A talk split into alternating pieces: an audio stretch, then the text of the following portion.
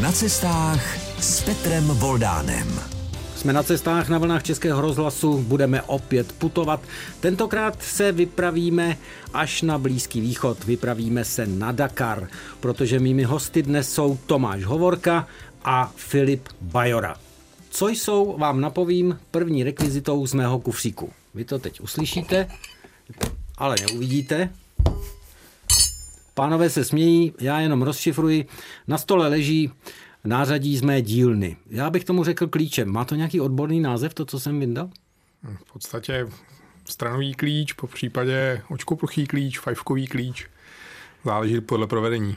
Odborné pojmenování, protože Tomáš Hovorka je učitel z Nového Bydžova, tak jako jeho žák ze střední školy technické a řemeslné. No a oni jsou tu oba proto, protože oni byli jako automechanici na Dakaru. Kdy jste poprvé slyšel, že existuje něco jako Dakar? Je to nejslavnější závod na světě, takže v úplně letech? si to nevybavím, ale asi v raném dětství. Když jsem koukal na televizi, nějaký závodní pořady. Tak u Tomáše Hovorky, který už je o něco zkušenější, nebudu říkat starší, to bylo asi dřív. Určitě to bylo dřív, v podstatě to bylo v té době, když eh, Karel Prajzů startoval s Tatrou s 815 s šestikolou v té době, takže tam byly nějaký první zmínky o Dakaru a přečetl jsem si první knížku a tam jsem zjistil, že vlastně nějaký Dakar vůbec existuje. Tatra je tady. A pánové, když už tady ten model Tatrovky mám, tak se zeptám odborníků. Tady na zadních kolech, na té dvojici, jsou vždycky nasazené takové plošky. Já laicky si myslím, že to nějak musí pomáhat třeba v tom písku. Je to tak? Tak přesně tak to je. Je to pouze ale jenom pro tohleto vozidlo, to znamená, byl to, řekněme, patent té Tatrovky na šestikolový Tatře. A jak se tomu říká? Byly to vyprošťovací šlapadla, to byly, vyprošťovací desky. A šlapadla na autě? Šlapadla na autě, ten princip je úplně jednoduchý. Když ty zadní kola zapadnou do toho písku, řekněme, až třeba do prostředka toho kola, tak když se nasadí ty šlapadla, zařadí se rychlost dopředu, v případě do zádu, tak ty šlapadla v podstatě celý to auto nazvednou a udělají ten půlkrok do zádu. I ta Tatrovka se v podstatě nadzvedne, odrazí se od té plochy a je šance, že vyjede. Přesně tak. Měli s tím obrovský úspěch. Eh, rok 89, možná někde tak okolo, když s tím vyrazili tak eh, v jednom místě, v jedné té silní pláni, většina těch velkých nákladáků tam zapadla, přijela tam Tatra, zapadla taky, ale vítězoslavně za 10 minut odjížděla. Takže vy už u přijímačů Českého rozhlasu moc dobře tušíte, o čem to bude, kam pojedeme, tak zůstaňte s námi. I po první písničce zůstávají u mikrofonu Tomáš Hovorka a Filip Bajora, oba z Nového Bidžova, jeden učitel, jeden žák a jsou tu proto ne, že bychom se bavili o učení nebo o učňovských oborech, ale jsou tu proto, že byli jako mechanici na Dakaru. A já si to představuju tak, že jste si zbalili nějaká fidlátka, nějaké nářadí a sedli jste do letadla a letěli jste na Dakar. Naivní představa, co? Samozřejmě musela tam být nějaká příprava s autem se seznámit, ale ten plán proběh docela rychle. Dakar se jezdí začátkem roku, začátkem ledna. Kdy jste se dověděli, že jedete? No, ten plán, že bychom se mohli vypravit eh, s tím týmem na Dakar, vzniknul eh, na konci nebo v půlce října. Takže toho času na tu přípravu nebylo úplně moc. To jsem si myslel, že dřív. Takže to není moc času. Pořád musím upozorňovat i posluchače, že se bavíme o tom, že to není mm, na dovolenou do Chorvatska, ale že to je na Blízký východ, že to je do království Saudské Arábie na arabský poloostrov, což už samo o sobě je trošku jiná destinace. No a já si dovedu představit, že se tam dostane zkušený automechanik, ale jak se vystřelí do takovéhle role žák, student eh, střední školy odborné, to by mě teda docela zajímalo. Ono to v podstatě začalo už jako před minulý rok, kdy byl takový projekt, jmenuje se to Tatra do škol a tím projektem bylo to, že se k nám do školy posílala jedna Tatrovka pracovní, co teďka už jezdí někde na horách, vyhrnuje testy a tak, už se úspěšně postavila. A tady ten projekt Tatroško, tak nám, jak jsem říkal, poslal tu Tatru po částech a společně s týmem Buggy Racing, tak vymysleli takový projekt, takovou soutěž. V podstatě to bylo o tom, že výherce soutěže by mohl jet s týmem Bagíra do Saudské Arábie na předpřípravný závod jako před tím Dakarem. Já se ještě vrátím k té Tatrovce, to znamená po kouskách a znamenalo to jí sestavit, přitom ukázat eh, tu zručnost, co člověk, jak se umí ohánět u toho a podobně a potom někteří vyrazili do té Saudské Arábie s tou bagírou, anebo jenom jeden a to vy. Ona, ta Tatrovka se posílala, myslím, že do osmi nebo devíti škol, něco takového. A z tady těch škol byl vždycky vybraný jeden student, který se mohl zúčastnit té soutěže v Kopřivnici. Takže z těch osmi škol se vybral jeden student, jakoby reprezentant a z těch osmi se vybral, tam byla taková soutěž, jsme tam vyměnili kolo. Jsme tam vyměnili Ono to zní kolo. jednoduše, ale to kolo... Ale to není jako na Škodovce, na Tatrovce je to trošku ono větší kolo. trošku asi 150 kilo. No tak na to fyziognomii máte, protože Filip Bajora má statnou postavu, takže vyměnil kolo. Takže to nebyl problém. A skončilo to tak, že jel do Saudské Arábie. Skončilo to tak, že jsem vyhrál soutěž a jel jsem z Bagíro do Saudské Arábie. Jaké to je, když se člověk vypraví, jsme na cestách přece mm. jen, z Nového Bidžova rovnou do Saudské Arábie. Co si tak člověk říká, co mě čeká? V podstatě jsem nevěděl. Bylo to pro mě prostě taková neznámá, no.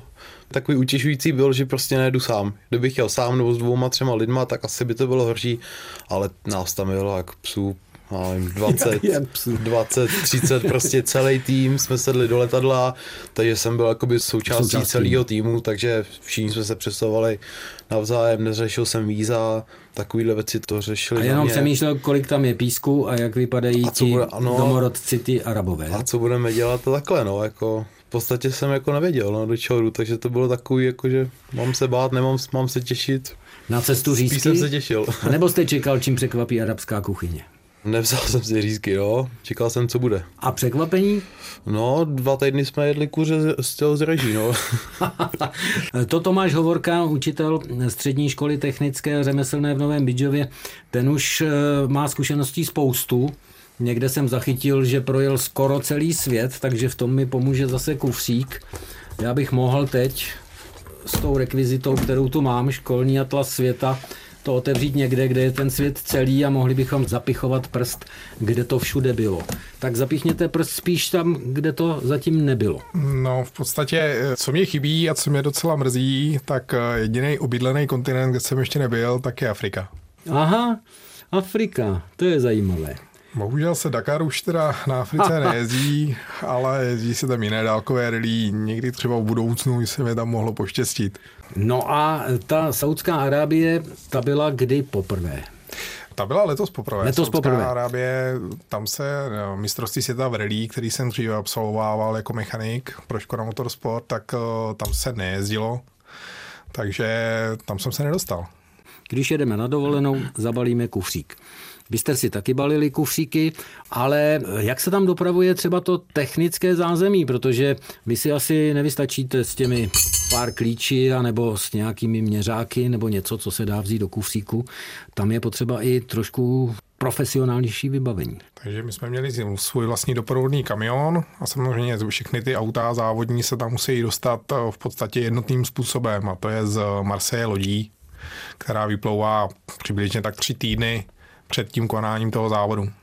No a co když někdo zapomene tam dát hasák a všechno to odjede, co děláte na místě? Tak pokud se na to přijde ještě před odletem, tak uh, se pak v příruční nepřijde. zavazadle Řekněme nepřijde. tahá všechno možný. Ale v Saudské Arábii je docela dobrý, uh, řeknu, na benzínových pumpách se nechá leco skoupit. A to jste a, taky dělali? Ano, nářadí jsme to teda kupovali. U benzínové pumpy? U benzínové pumpy. No to mě podrž světový závod, pozornost novinářů celého světa a mechanici si koupí u benzinky, kde si jdou pro občerstvení, koupit si vodu, kafe do kelímku, tak si u toho koupí nářadí a jedou na Dakar. No to nevím. Ono, ty Saudské Arábii, ty benzínové pumpy jsou v podstatě takový centrem eh, toho dění okolo. Pokud je tam benzínová pumpa 350 km v okolí nic není, tak uh, tam prodávají v podstatě úplně všechno, co tam ty místní lidi potřebují. Takový spíš smíšený zboží. Skoro by mě napadlo, jestli tam není nějaká malinká dílna, ne, protože uh, přeci jenom těch šancí moc není asi tam. Ve většině případů ano, je součástí ty benzínky malý servis, pneuservis eh, se základním vybavením. Tak to je zase už jiný svět. Jsme na cestách, dobrá zkušenost, pokud někdo vyrazíte do Saudské Arábie, nedej bože autem, tak všechno nevozte sebou v kufru. Já se vrátím k té kvalifikaci, kterou prošel Filip Bajora vyměnit kola a jede se. Dobře, vyhrál přes výměnu kol, já si to představuju tak trošku jako i malinko závod s časem, když je Formule 1, tak se zajede do pit stopu a tam je najednou frmol, někdy se odjede i bez toho kola, protože to je fofer. Tady asi nejde jenom o ten fofer, tady jde asi taky o to, aby to, to bylo pořádně. Tady, tady to bylo na čas. Jako samozřejmě to musí pořádně, nemůžu utáhnout půlku šroubů, co tam mají na tom kole, ale bylo to jakoby na čas. No. A na Dakaru přímo jste někdy měnil kolo? Jo? Ale tam to není úplně na čas. Tam jako samozřejmě, když to se jsem něco, měl na mysli právě. Tam, když se něco pokazí, tak je samozřejmě jako důležitý, aby to auto ráno odjelo. To samozřejmě, ale s to vyměním kolo za 50 vteřin nebo minutu a 50 vteřin, asi to nehraje roli. Ale měníme kolo v Saudské Arábii, měníme kolo v oblasti, kde je největší poušť, pustá končina, kde je všude písek. Já teda jsem řidič, nejsem až tak úplně možná technický typ, možná kutil, ale mě písek, motory a tahle ta technika zrovna moc k sobě nejde. Dá se na to připravit třeba na nějaké pískovně? To asi, asi nedá. A zaskočí to člověka na místě, když eh, odkládá ty věci, určitě, má něco rozebraného a teď to propadává pískem. Propadává pískem, stane se to? Když jsme dělali na autech, tak jsme měli nad sebou stán a pod sebou plachtu, takže tady to úplně se nedělo a v těch bivakách, co jsme byli, tak to většinou ten písek je buď uježděný, nebo je to nějak připravený prostě na nějaký servis. Je to uválcovaný, uježděný, cokoliv. Takže úplně, že by se ten písek jakoby my jsme se propadávali až polejtka po kolena do písku, tak to ne. To nebylo. To možná, když měli řidiči, navigátoři nějaký defekt na cestě, tak to jo.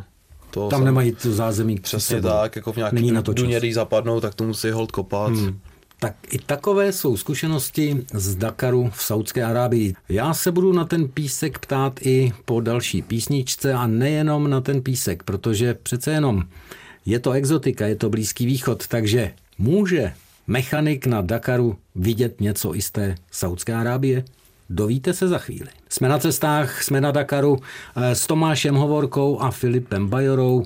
Oba muži jsou z Nového Bidžova a potkali se u mého mikrofonu učitel a žák. Oba dva schopní mechanici, proto také jeli Dakar. Vy jste tam cestovali kvůli tomu, že budete součástí podpůrného týmu ženy, která se účastnila Dakaru. Byla to první žena, která vůbec eh, z České republiky dokončila tehdy na čtyřkolce Dakar, ale to nebylo teď, to bylo před několika lety. Vy jste byli oporou Olgy Roučkové. Jaké to je být jako automechanici oporou ženy řidičky. Tak eh, jak to je? Jaká je řidička vaše šéfová nebo byla? Tak vzhledem k tomu, že ona od toho Dakaru odstartovala již po čtvrté a po čtvrté ho dokončila, tak se určitě nemůže být špatná řidička. Dokáží si i ženy, které jedou Dakar, třeba něco opravit?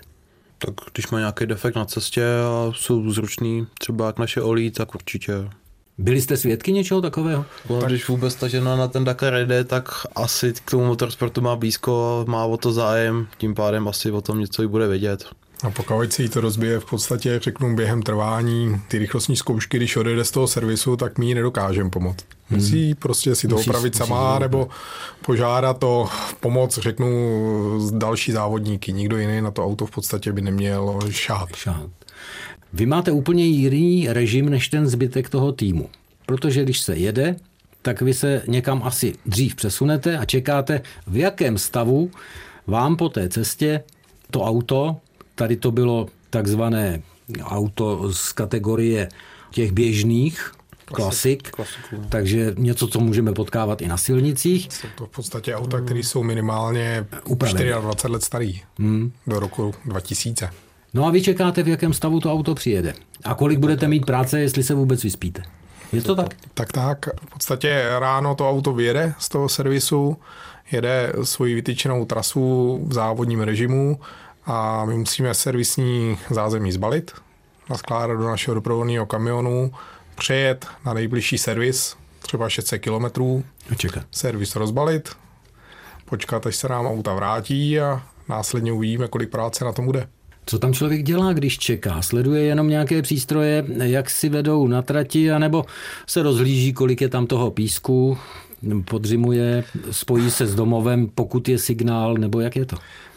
Tak zázemí bivaku je celkem pestré, je tam velký catering, pak tam bylo místo k odpočinku, kde byla velká obrazovka, kde jsme mohli sledovat i průběh třeba z předchozího dne, se střihy.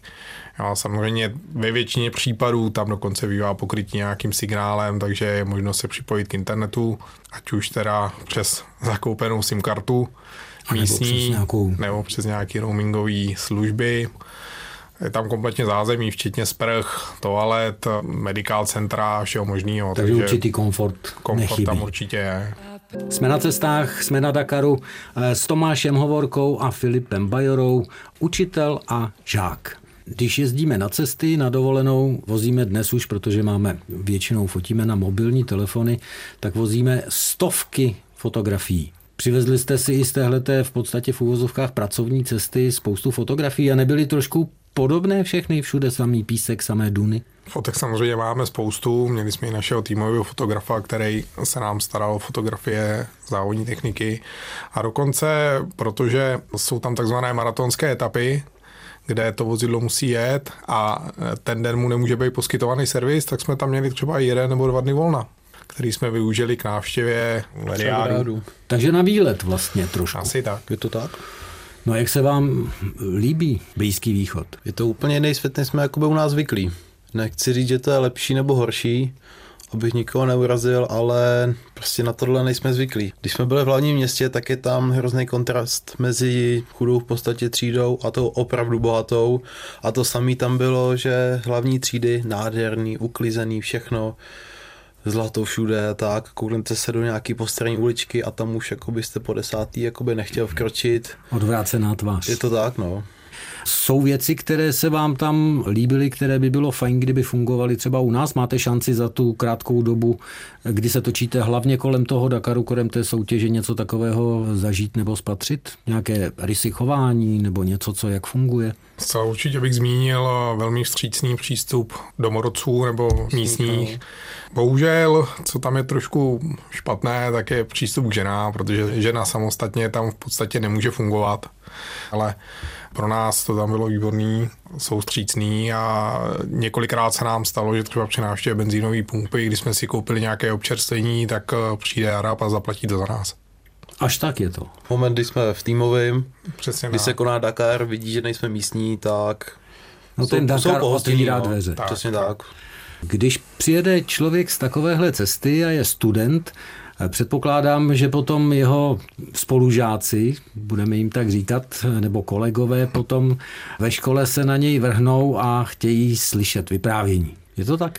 Je to tak, nemůžu říct, že ne. Určitě jakoby z kamarádu a tak, tak jsem hodně kamarádů, nebo hodně, úplně tolik nemám, ale co jsem takhle objezdil, tak všichni si to rádi poslechli. A mm, je tam takový ten moment, že to někoho může i motivovat, že by na sobě tak pracoval, aby se dostal ne třeba na Dakar, ale k tomu motosportu nebo k něčemu, co bude trošku víc, než dělat jenom ty mm, servisní prohlídky nebo technickou údržbu. To mi zrovna říkala dneska Oli, kdy to bylo o víkendu, jak byl veletrh motorek, tak oni tam měli svůj stánek a kolí přišli nějaký mladí kluci a říkali, že co můžou dělat, aby se taky třeba mohli dostat do Mechanik Academy, co tady máme, nebo prostě vyptávali se na to, zajímalo je to, taky by chtěli být něčím součástí.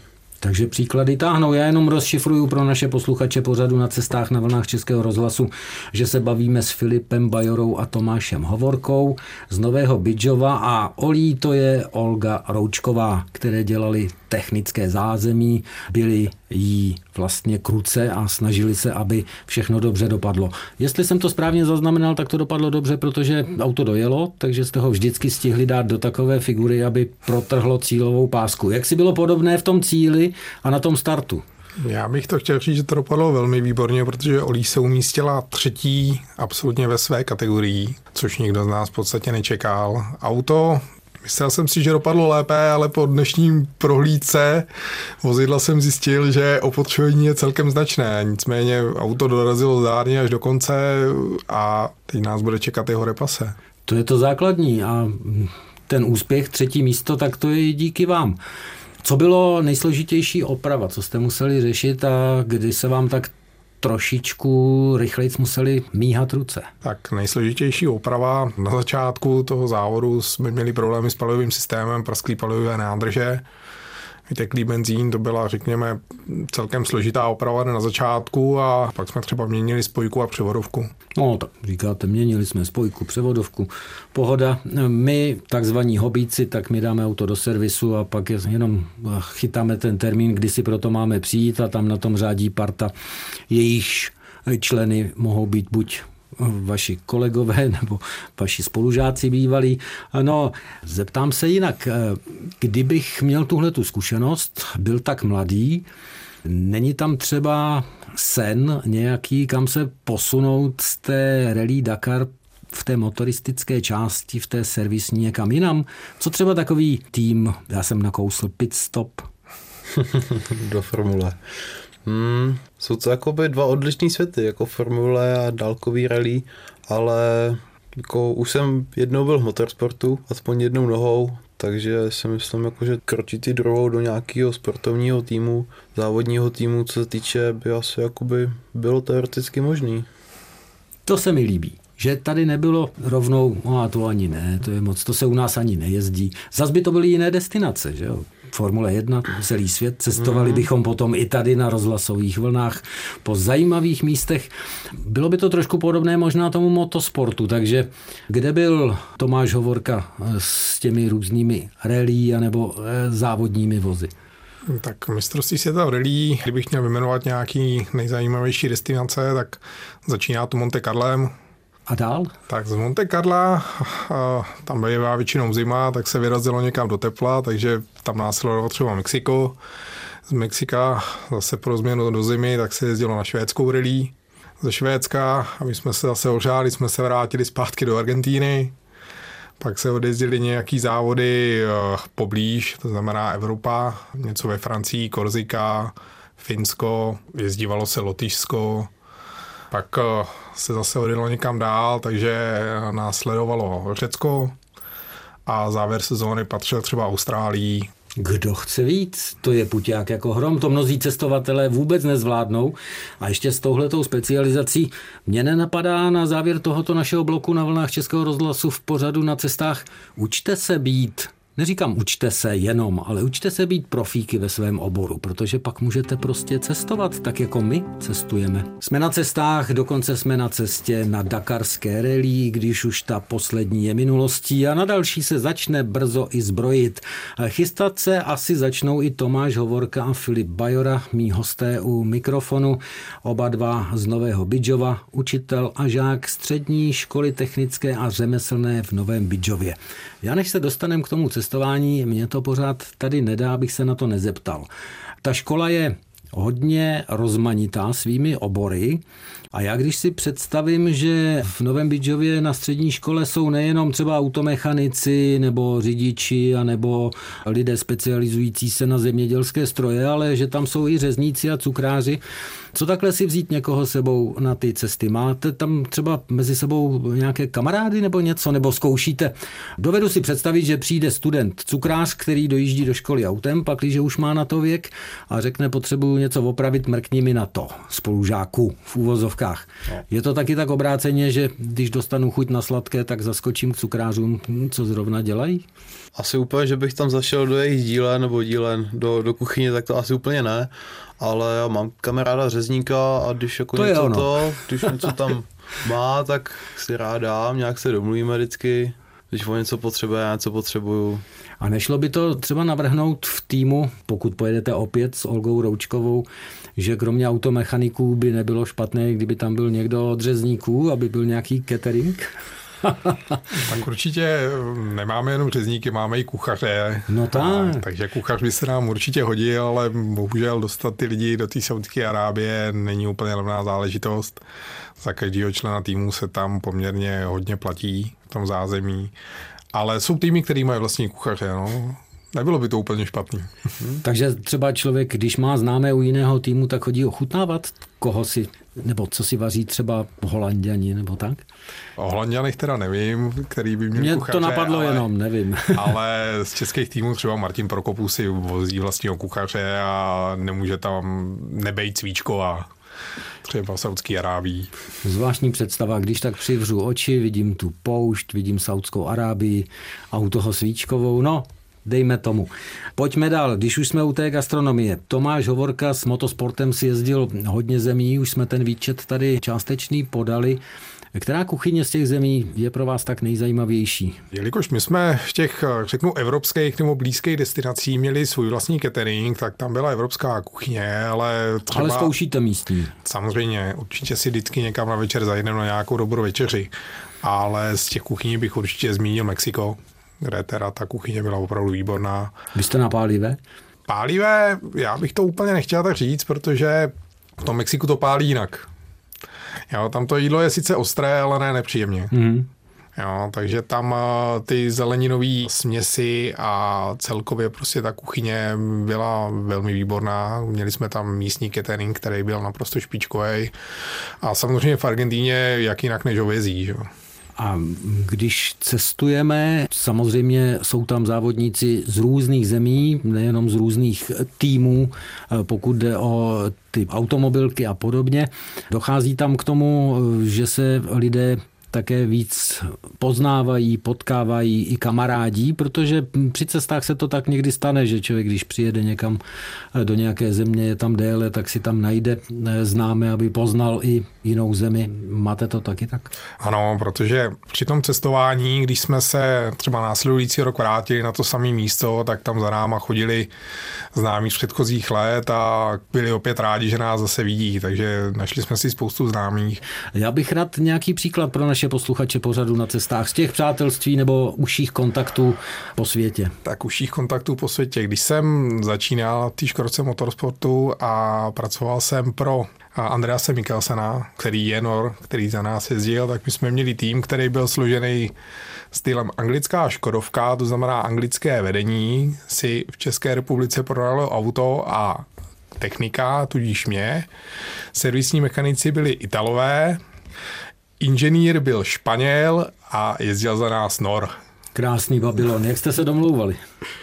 v angličtině samozřejmě a v průběhu, řekněme, měsíců jsem pochytil samozřejmě pár slov z italštiny, abych si dokázal promluvit i z mechaniky.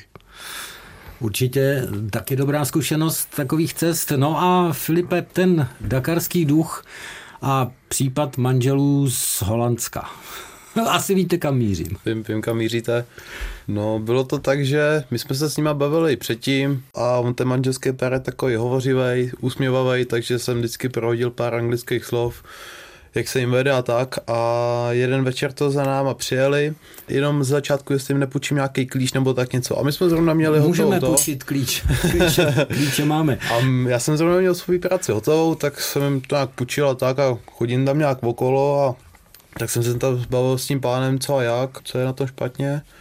A on z toho byl takový špatný, takový bezradný, tak říkám, tak asi jim můžu pomoct, když to, když jakoby nemám co dělat, tak jsem, co jsme tam dělali?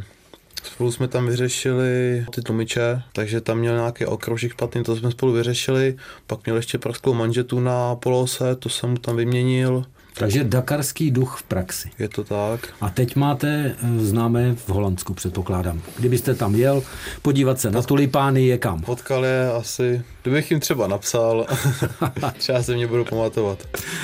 No, tak jsme na cestách a dostali jsme se z Dakaru, z Blízkého východu, hmm. až do Holandska. Jdeme do finále v tomto vydání pořadu na cestách. Vlastně nejdeme, my jsme na cestách, tak jedeme, protože my dnes jezdíme. Jezdíme auty na rally Dakar, ale nejenom tam jezdíme s motosportem po světě, ale cestujeme i mezi lidskými vztahy, protože ono to cestování po světě vede i k tomu. Takže, pánové, Tomáš Hovorka, Filip Bajora, oba dva z Nového Bidžova, ze střední školy technické a řemeslné, jeden mladší student, jeden zkušenější kantor. Jezdíte taky soukromně a kam? A jezdíte autem na soukromou dovolenou, anebo radši něčím jiným, vlakem, letadlem, že už těch aut je za ten celý rok dost? No, eh, když jsem pracoval v tom motorsportu, tak toho času úplně moc nebylo. Takže jsme jezdili spíš jenom po českých krásách tady. A kam nejradši? Hory, voda? Nemám jako oblíbenou nějakou destinaci, spíš někam, kde jsem nebyl a rád se tam podívám. A kde jste nebyl v Čechách ještě? No určitě se nějaký kout najde. hodně rád mám třeba Moravu, tam se nechá jezdit hodně. No a v zahraničí? Sen? Kam se vypravit? No ta Afrika mě chybí. Afrika. Ale bez toho, že by se tam opravovala auta. Prostě poznat Afriku. Mm, Hmm, zase to skončí u těch aut. Je mi to jasné. A jak je to u Filipa? Ten má o něco méně nacestováno, protože je mladší, ale eh, když by měla být dovolená, tak kam? Ten mě asi nejvíc byla lákala Amerika. Buď střední nebo severní, něco takového.